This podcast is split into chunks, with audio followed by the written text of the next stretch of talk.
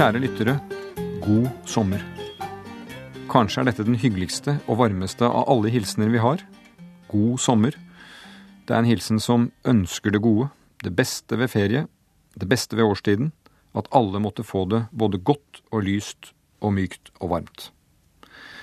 Dette er Sommer i P2, og jeg heter Jonas Gahr Støre og skal dele denne timen med deg fra starten av min egen sommer. Sommer og ferie handler ofte om reiser og møte med mennesker og inntrykk, og reiser vil være en rød tråd i denne timen. Reiser gjør noe med oss. Å reise er å leve, sa den danske forfatteren H.C. Andersen, og jeg tror at vi sanser og opplever inntrykk på nye måter når vi flytter på oss i geografien, både på lange og korte reiser. I alle fall hvis vi åpner opp for opplevelsen. For det er jo egentlig både utfordringen og ikke minst muligheten å åpne opp for det som kommer utenfra, inntrykkene og menneskene. Og på reiser så blir det så tydelig. Vi kan bli til i møte med andre. Ikke som i et speil, men gjennom å se og høre, og å bli sett og bli hørt. Det handler om en gjensidighet i kontakten med andre mennesker. Og jeg har erfart at dette også er nøkkelen til godt diplomati, det er egentlig forutsetningen for dialogen som jeg ser som motsatsen til enetalen, monologen, og som alternativet til taushet. I denne timen vil jeg dele inntrykk fra noen av mine reiser og møter med mennesker som har gjort inntrykk på meg. Og jeg vil dele musikk. For om vi blir til i møte med andre mennesker, så blir vi også til i møte med musikken, vi blir til i møte med naturen, og vi kan bli til i møter med mennesker fra annen kultur. En av mine forgjengere i Utenriksdepartementet, Halvard Lange, var utenriksminister i 19 år, etter 1946.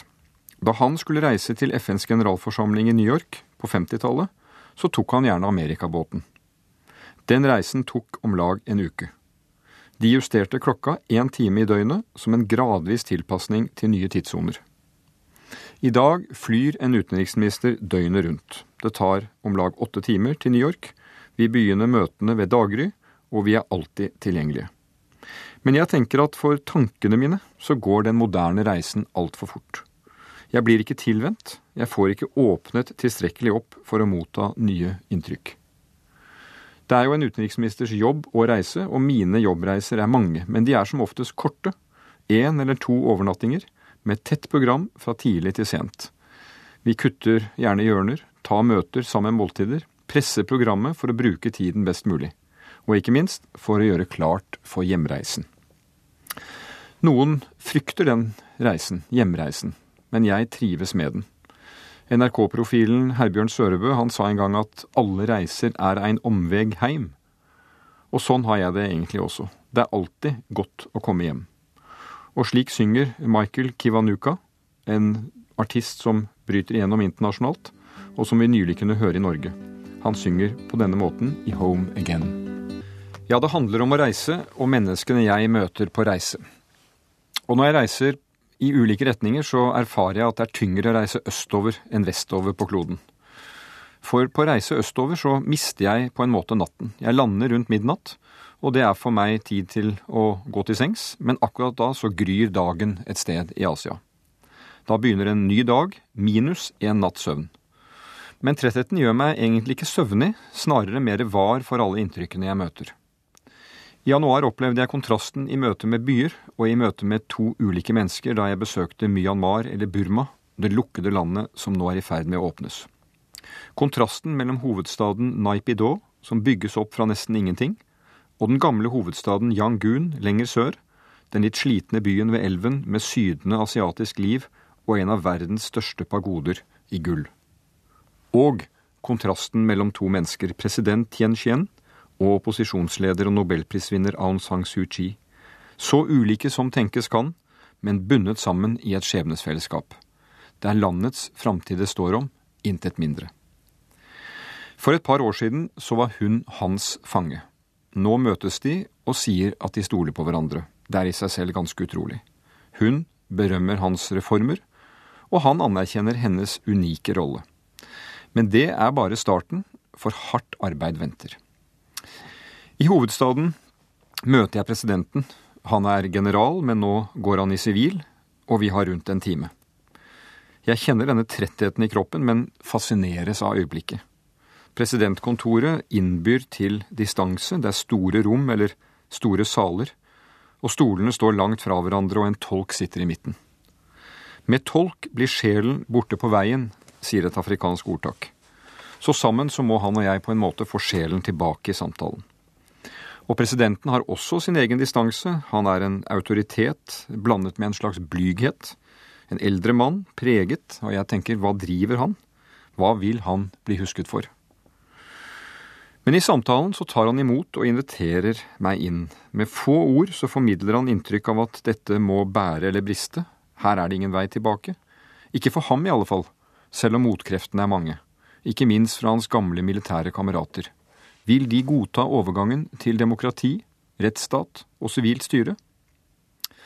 Det koster litt for en president i Myanmar å be om innsats fra Norge, et lite land fra den andre siden av dette store euroasiatiske kontinentet. Han har lest seg opp på hvem vi er og hva vi kan. Han ber ikke om bistand, men om vår kunnskap om fredsprosesser, om samordning av internasjonale givere, om tilgang på kompetanse på hvordan man utvikler et demokrati. Så vi blir enige om dette, at skritt for skritt så må vi låse inn framskrittet, som de sier. Vi skal engasjere oss, og vi vil møtes igjen, kanskje i Norge. Så reiser jeg sørover på denne asiatiske ettermiddagen til den gamle hovedstaden Yangon, og her møter jeg henne. Damen, the lady Aung San Suu Kyi, ute av husarrest, på vei tilbake til samtiden og politikkens gjenstridige virkelighet. Igjen, jeg kjenner meg trøtt, men ikke søvnig, kanskje, fortsatt var for de inntrykkene som hun formidler når vi to sitter alene. Hun er løslatt, fri, men fortsatt bundet på en måte. Nå skal hun testes som politiker, og spørsmålet er kommer hun i inngrep med politikken? Aung San Suu Kyi har utstråling. Det er noe Mandela over henne. Og jeg merker at uh, den kombineres med en distanse. Hun måler meg med et sterkt og direkte blikk, viker ikke, og ber meg snakke før hun gjør det. Hun veier og måler det hun hører, og jeg ser hun tenker egentlig i to spor. Hva betyr det jeg sier for landet hennes, og hva betyr det for henne? Også her handler det om å bygge en tillit, forstå motivene, forklare og tegne tydelig hvem vi er, hva vi vil, og hva vi kan. Det ble et sterkt møte, og etterpå, i ukene som kommer, så snakker vi på telefonen mellom Oslo og Yangon. Og så i juni så møtes vi på mitt kontor, alene hun og jeg. Kommer litt nærmere, samtalen blir litt bredere, litt løsere, uformell, og litt dypere. Og jeg tenker, hvem av disse to, generalen eller førstekvinnen, vil greie å fange tiden i dag? Gripe dette historiske øyeblikket, låse inn fremskrittet og bygge videre på det. Han har den formelle og reelle makten. Hun har ikke formell makt, men hennes ord og handling er reell nok og veier mer enn posisjonen kan forklare. Hele Norge fikk møte henne i juni i Oslo og i Bergen. Nå fikk hun endelig sin Raftopris fra 1990 og Nobels fredspris fra 1991. Hun holdt nobelforedraget og mottok en rettmessig hyllest. Men det er hjemme i Myanmar slaget står. Hvem av de to den tidligere generalen eller den tidligere fangen vil klare det. Jeg tror vi må arbeide for, vi som kommer utenfra og vil dette folket vel, for at de kan klare det sammen. For disse to er knyttet sammen i et skjebnefellesskap. Etter fire dager i Oslo så reiste Aung San Suu Kyi videre, til Irland, Storbritannia, og hun fikk plass på flyet til den irske vokalisten Bono fra U2, som kom til Norge for å møte henne. Han var også sterkt preget av dette møtet. Her er U2 med sin sang dedikert til The Lady. Den heter Walk On, og er fra albumet All That You Can't Leave Behind fra 2000. Og på U2s siste konsert så opptrådde Aung San Suu Kyi i en video i pausen i konserten. Og sånn sett kom hennes budskap ut til sju millioner mennesker. Det var Bonos bidrag til å løfte hennes sak. Et godt bidrag fra et samfunnsbevisst band. Dette er Sommer i P2, og jeg heter Jonas Gahr Støre og har ansvaret for denne timen. Hver og en av oss har et minne om akkurat dette, og vil for alltid ha det. Hvor var jeg da jeg hørte om katastrofen den 22. juli? For meg begynte det dagen før, den 21. juli, som var dagen for min reise til Utøya. Der var jeg invitert som gjest og innleder. Og jeg gledet meg til å møte forventningene hos de unge på Utøya, AUF-erne. Det var den lyse soldagen torsdag 21. juli. Jeg kom til Utøya og det bar rett til bakken, som de sier der, fullsatt av 500-600 unge i sola. De satt der som blomster i en sommereng. Jeg holdt mitt foredrag, og så fulgte en lang rekke gode spørsmål, debatt fra engasjerte unge mennesker. Det var noe lekent, men også alvorstungt og utfordrende, slik det er å møte unge mennesker som har en vilje, og som har bestemt seg, kanskje ganske nylig, for å mene noe og ville noe for fremtiden. Knapt noe annet gir større tro på politikken enn å møte denne viljen. Så bar det til teltleiren, og der satt latteren løst, der var det gode vafler, oppstilling til alle bildene med mobilkameraer, småprat om store og små saker. Og så var det fotballkamp. Sør-Trøndelag slo Oslo, med meg på det tapende laget, til jubel og tilrop fra sidelinjene. Men aller mest så vant Utøya, for dette var Utøya slik øya skal være. Da jeg kom tilbake til familien min på ferie den ettermiddagen, så sa de at jeg virket så glad. Eh, og det stemte egentlig, for det var en flott opplevelse, og nå kunne min familieferie begynne. En finere start kunne ikke den ferien få. Det var altså 21. juli. Soldagen dagen før den store katastrofen, den 22., da mørket inntraff. Og om den dagen er det sagt og skrevet så mye at ikke jeg skal legge til noe mer her nå. Men etter den 22. juli så fulgte det for meg en ny type reiser, til unge menneskers gravferder. Det var et meningsfullt nærvær i menneskers sorg, men samtidig det mest meningsløse jeg noen gang har opplevet, Å stede unge, drepte mennesker til hvile.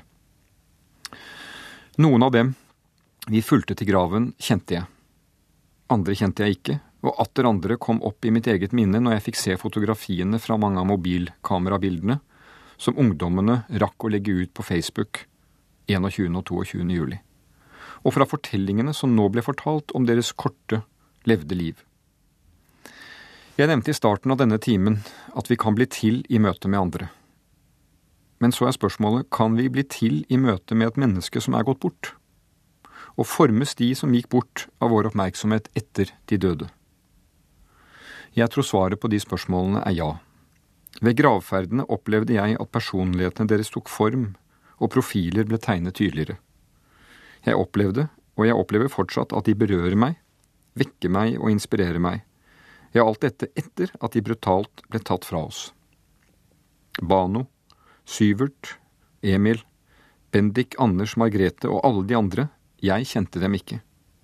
Men nå vokste enkeltmenneskene fram, jeg lærte om det de hadde gjort, sagt, sunget, lest og drømt om. Jeg ble kjent med dem slik de var før de døde. Og slik lever ikke bare minnene om dem videre. Det er noe mer, et nærvær som vil prege samtiden etter deres tid. Jeg reiste til Levanger for å tale i Emil Okkenhaugs begravelse. Drapet på ham traff meg på en spesiell måte. Min egen familie har røtter i Levanger. Farfar ble født der, og på reiser i Trøndelag så møter jeg stadig slekt. Og også dette ble tydeligere for meg nå. Det var som om det nye bekjentskapet med Emil, som var gått bort, og familien hans, som står igjen, gjorde disse røttene sterkere. Og det har fortsatt. Opplevelsen av disse båndene er blitt sterkere. Det lå en stillhet over Levanger denne varme sommerettermiddagen tidlig i august under bisettelsen. Hele Emils by var til stede for ham, 15-åringen med det gode smilet. I kirken var det taler om musikk. Og vi blir jo til også i møte med musikken. Min venn og kollega Arild Stokkan Grande fra Ytterøy i Levanger er stortingsrepresentant for Arbeiderpartiet fra Nord-Trøndelag. Og han er utdannet organist. Arild talte først til Emil. Så satte han seg ved piano og fremførte Mikael Wies sterke sang og mote. Og mer er det egentlig ikke å si. Vi kan reise i vår egen tid, vi kan reise tilbake i tiden, og vi kan møte historien. Når du hører dette programmet, så sitter jeg sannsynligvis på hytta utenfor Tvedestrand og ser utover havet. Det er noe av det beste jeg kan gjøre. Det setter meg i en tidløs tilstand. Jeg tenker at det jeg nå ser, utover, mot dette havet, gjennom øyene, det må ha sett ut slik til alle tider. Hav, himmel og skjærgård. Og så tenker jeg tilbake 200 år i tid, ganske nøyaktig, til den 6. juli 1812, da det midt i dette utsynet utspilte seg et av norgeshistoriens store dramaer. Om du hadde sittet på min lille knaus denne julidagen i 1812, så ville du ha sett britiske marinefartøyer for fulle seil, anført av linjeskipet Dictator, på vei sørover langs den norske kysten. Du ville sett dem langt ute i havet, og så ville du blitt forundret over at de endret kurs, at de slo innover mot kysten med stor seilføring, for så å slå igjen, inn gjennom skjærgården, i jakt på et bytte. Den siste stoltheten i den dansk-norske marinen, den nybygde fregatten Najaden. Najaden lå innenfor Sandøya, litt nord for min knaus. Jakten hadde startet, og den var nådeløs. Royal Navy sto inn mellom øyer og skjær. De britiske båtene ble beskutt fra kanoner ytterst i Tvedestrandsfjorden, og av norske kanonjoller. Ja, det var joller som rodde for livet for å komme på skuddhold. Men Dictator fortsatte ferden. Najaden oppdaget forfølgerne, lette tanker og sto nordvestover opp fjorden mot Lyngør. I en halsbrekkende manøver så tok skipet seg inn mellom øyene for å søke ly i Lyngersundet, og alle norske båtførere som har vært der, vet hvor krevende det må ha vært. Men der skulle det være trygt, for det var en uinntakelig skjuleplass. Men enda større risiko tok de britiske offiserene om bord i Dictator.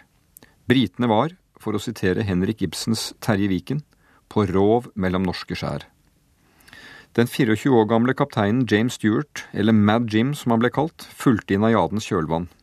Hans skip, med 64 kanoner om bord, var større, dypere og lengre.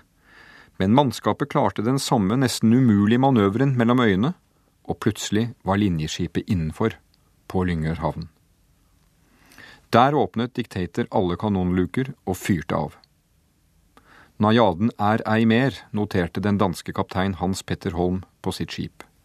133 mann ble drept og 102 såret av Najadens mannskap på 315. Det var en fullstendig ødeleggelse. Men den britiske seieren var ikke komplett. I nattetimene måtte diktator rømme til havs uten å ha fått med seg noe krigsbytte. Det sørget de norske kanonjollene og Kystforsvaret for.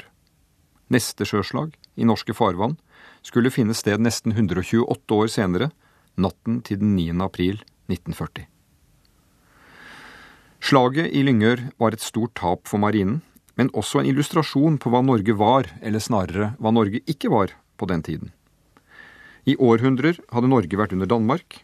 Vi var med i en storkonflikt vi knapt hadde noe med. Napoleonskrigen gikk mot slutten, og Danmark-Norge var på det tapende laget. Jeg har tenkt at lenger ned var det knapt mulig å synke. Kastet ut i en krig, vår kyst var blokkert, og som Henrik Ibsen observerte, i landet var misvekst og nød, de fattige sultet, den rike led savn. Sånn står det i Terje Viken. Men samtidig så kan man spørre, var dette bunnpunktet og dette nederlaget et slags vendepunkt i vår nasjons historie? Det ble ingen full seier for britisk side. Skipet var tapt, men det norske kystforsvaret hadde bitt fra seg. Og omtrent her så starter en lang reise mot nasjonal oppvåking, selvbevissthet, integritet og eget styre. Offiserer, soldater og mannskap som kjempet mot britene 6.7.1812, ble nøkkelmenn i en egen norsk marine som gradvis kom på egen kjøl. I mai 1814, altså to år senere, fikk vi på nesten mirakuløst vis vår egen grunnlov. Selvstendigheten måtte vente nesten enda et århundre, men bevisstheten var vekket, og kursen for denne reisen var satt.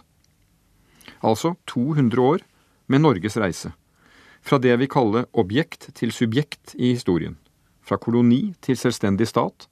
Fra å være Europas fattigste til verdens rikeste. Det er en klassereise blant nasjoner. Det er nesten som om vi har lært å fly. Men det har vi selvfølgelig ikke. Og det er vanskeligere å komme ned enn å komme opp. Slik synger rockelegenden Tom Petty and The Heartbreakers. De var nylig i Norge og fortsatt så svinger det bra når han synger 'Learning to Fly'. Du hører på Sommer i P2. Jeg heter Jonas Gahr Støre og er din eh, følgesvenn denne timen. Fra noen av reisene jeg har hatt som utenriksminister, så husker jeg best det som skjedde utenfor programmet. Og blant de mennesker jeg har møtt, så husker jeg ofte aller best noen av dem jeg traff som ikke sto på talerlistene eller satt ved møtebordene. En slik opplevelse hadde jeg i Hamburg i februar i år. Etter et ganske ordinært møte, eh, kjedelig var det også, i Østersjørådet, så satt jeg av en formiddag for å møte en av de store skikkelsene i europeisk etterkrigshistorie. En person som har fascinert meg i mange år, da jeg var student og senere som politiker, og som jeg egentlig hadde et veldig sterkt ønske om å møte. Så vi satte av tid, eh, og sammen med to medarbeidere så kjørte vi ut til en forstad av Hamburg i landlige omgivelser. Vi fant adressen, et eh, hus som lå med et eh, stakittgjerde ut mot veien. Vi gikk gjennom en hagegrind og ble tatt imot av en vakt, vennlig, ført inn i huset og like til dagligstuen. Og der, i en rullestol, ved et bord, i karakteristisk profil, med en sigarett i munnviken, satt Helmut Schmidt. 94 år gammel, tidligere vesttysk næringsminister, finansminister, forsvarsminister og forbundskansler, som statsministeren heter i Tyskland, fra 1974 til 1982. I sitt hjemland omtalt med hederstittelen Der Altkansler, den gamle kansleren. Helmut Schmidt, eller rettere sagt en vennlig husholderske, byr på te og kaker. Stuen har bokhyller i metervis med en generasjon bøker, Veggene er fylt med bilder, trykk og tegninger. Her er det litt slitt i tapetene etter et langt levd liv. Han møter oss med en eldre manns milde vennlighet. Han forklarer at vi må snakke sakte fordi computeren hans, han peker mot pannen, går saktere enn vår. Vel, kanskje saktere, men hvilken computer? Helmut Schmidt er et leksikon av begivenheter, historie og sammenhenger. Han er en kilde for europeiske verdier om sammensatt fortid, krevende samtid og åpen fremtid. Og hver dag tar han turen inn til sentrum av Hamburg for å snakke med kollegene i avisa Die Zeit. Schmidt snakker sakte, han veksler mellom tysk og et strøkent engelsk, men alt har en klar retning om hva som nå står på spill for Europa. Myk i tonen, men skarp som en knivegg i analysen. Han kan historien om stormakters vekst og fall men først og fremst brenner han for sitt Europa i dag, og sier Tyskland er viktig for Europa, men dere må forstå og aldri glemme Europa er enda viktigere for Tyskland. Jeg spør han kan Europa gjenvinne skaperkraft? Få hjulene i gang, bekjempe arbeidsledigheten, fornye og løfte seg selv? Den tidligere forbundskansleren tenner en ny sigarett. Det blir seks på den halvannen timen vi er sammen. Så han er 94 år og viser tydelig at han har båret sigarettene også med verdighet. En lav sol står gjennom stuevinduet, han sitter én meter fra meg, men blir nesten borte i røykskyene. Skaperkraft, sier Helmut Schmidt, det henger jo sammen med vitalitet, og vitalitetens kraft er ungdommens. Men vi europeere eldes, vi blir over tid færre og færre unge, og dermed blir det mindre og mindre vitalitet. Det er nok en lov. Men, sier han, vi har demokrati og rettsstat. Det kan i lengden bli Europas trumf dersom vi forvalter vårt ansvar forstandig. Det blir noen pauser i denne samtalen som ikke har noen tidsgrense, og som ikke har noe program. Men pausene er ikke trykkende. Schmidt eh, spør om gamle kjente i Norge. De fleste av dem han spør etter, er gått bort. Men det slår meg at han kan mer om norsk politikk enn mine nåværende tyske kolleger. Han snur seg og peker på veggen langs trappen til andre etasje, der henger et lite Munch-trykk han fikk i gave en gang under et besøk i Norge. Og til slutt så spør han om Utøya, om 22. juli, og han kan ikke fatte at noe slikt kunne være mulig, noe sted, og i Norge. Her stopper den gamle, kloke mannen, og blir uten ord, han også. Så tenner han en ny sigarett og byr sine tre norske gjester på et glass eplebrennevin, som vi alle nyter i stillhet. Der altkansler Helmut Schmidt vender rullestolen halvt om sier han trenger en hvil nå, tar oss alle i hånden med begge hender og byr farvel. Et møte i Hamburg i februar i år. Og budskapet fra denne halvannen timen i Hamburg? At for Europa venter hardt arbeid, men at vi skal ha kjærlighet for dette kontinentet. Her er Jadé med Long Hard Road. Mennesker reiser, nasjoner reiser, og igjen, det eneste som ligger fast i historien, er forandringen. 2012 er knapt noe sluttpunkt, like lite som 1812 var det, da sjøslaget sto på Lyngør havn.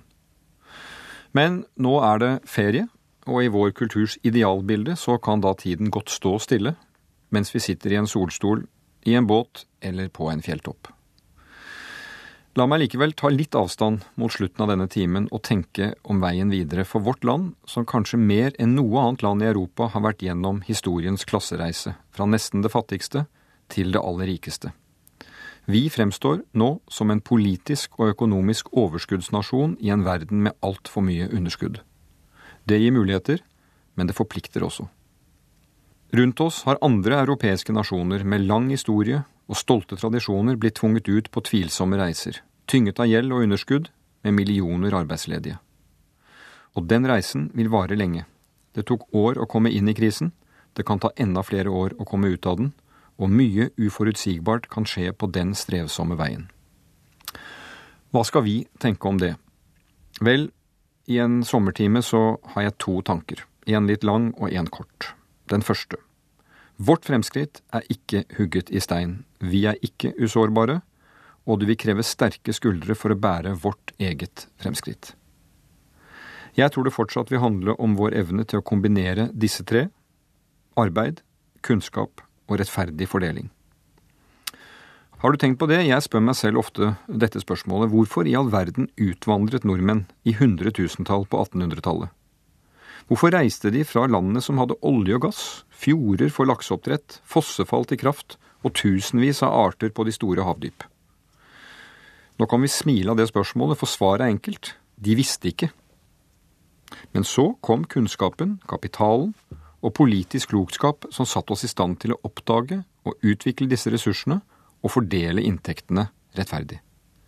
Og den oppskriften tror jeg står seg også i dette århundret.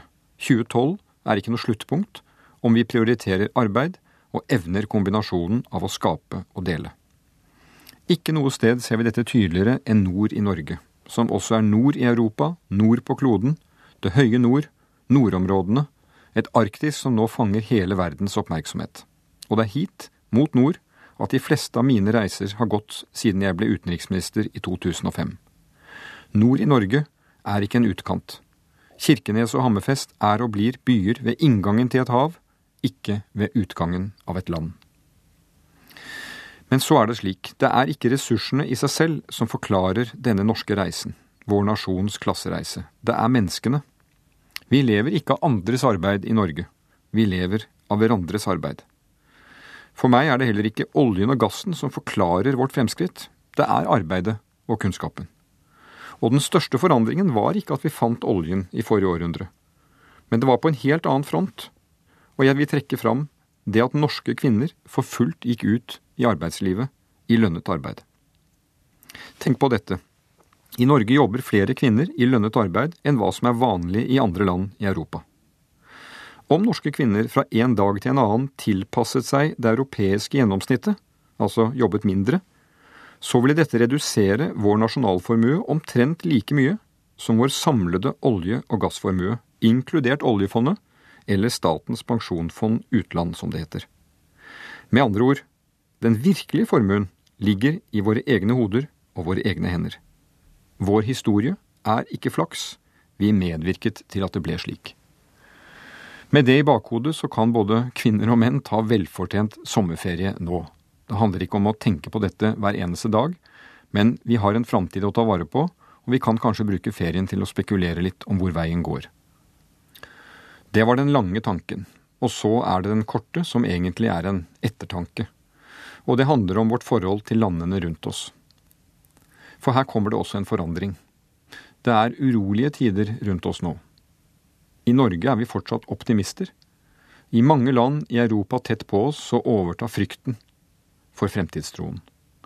Også dette blir en kontrast. Optimisme mot frykt.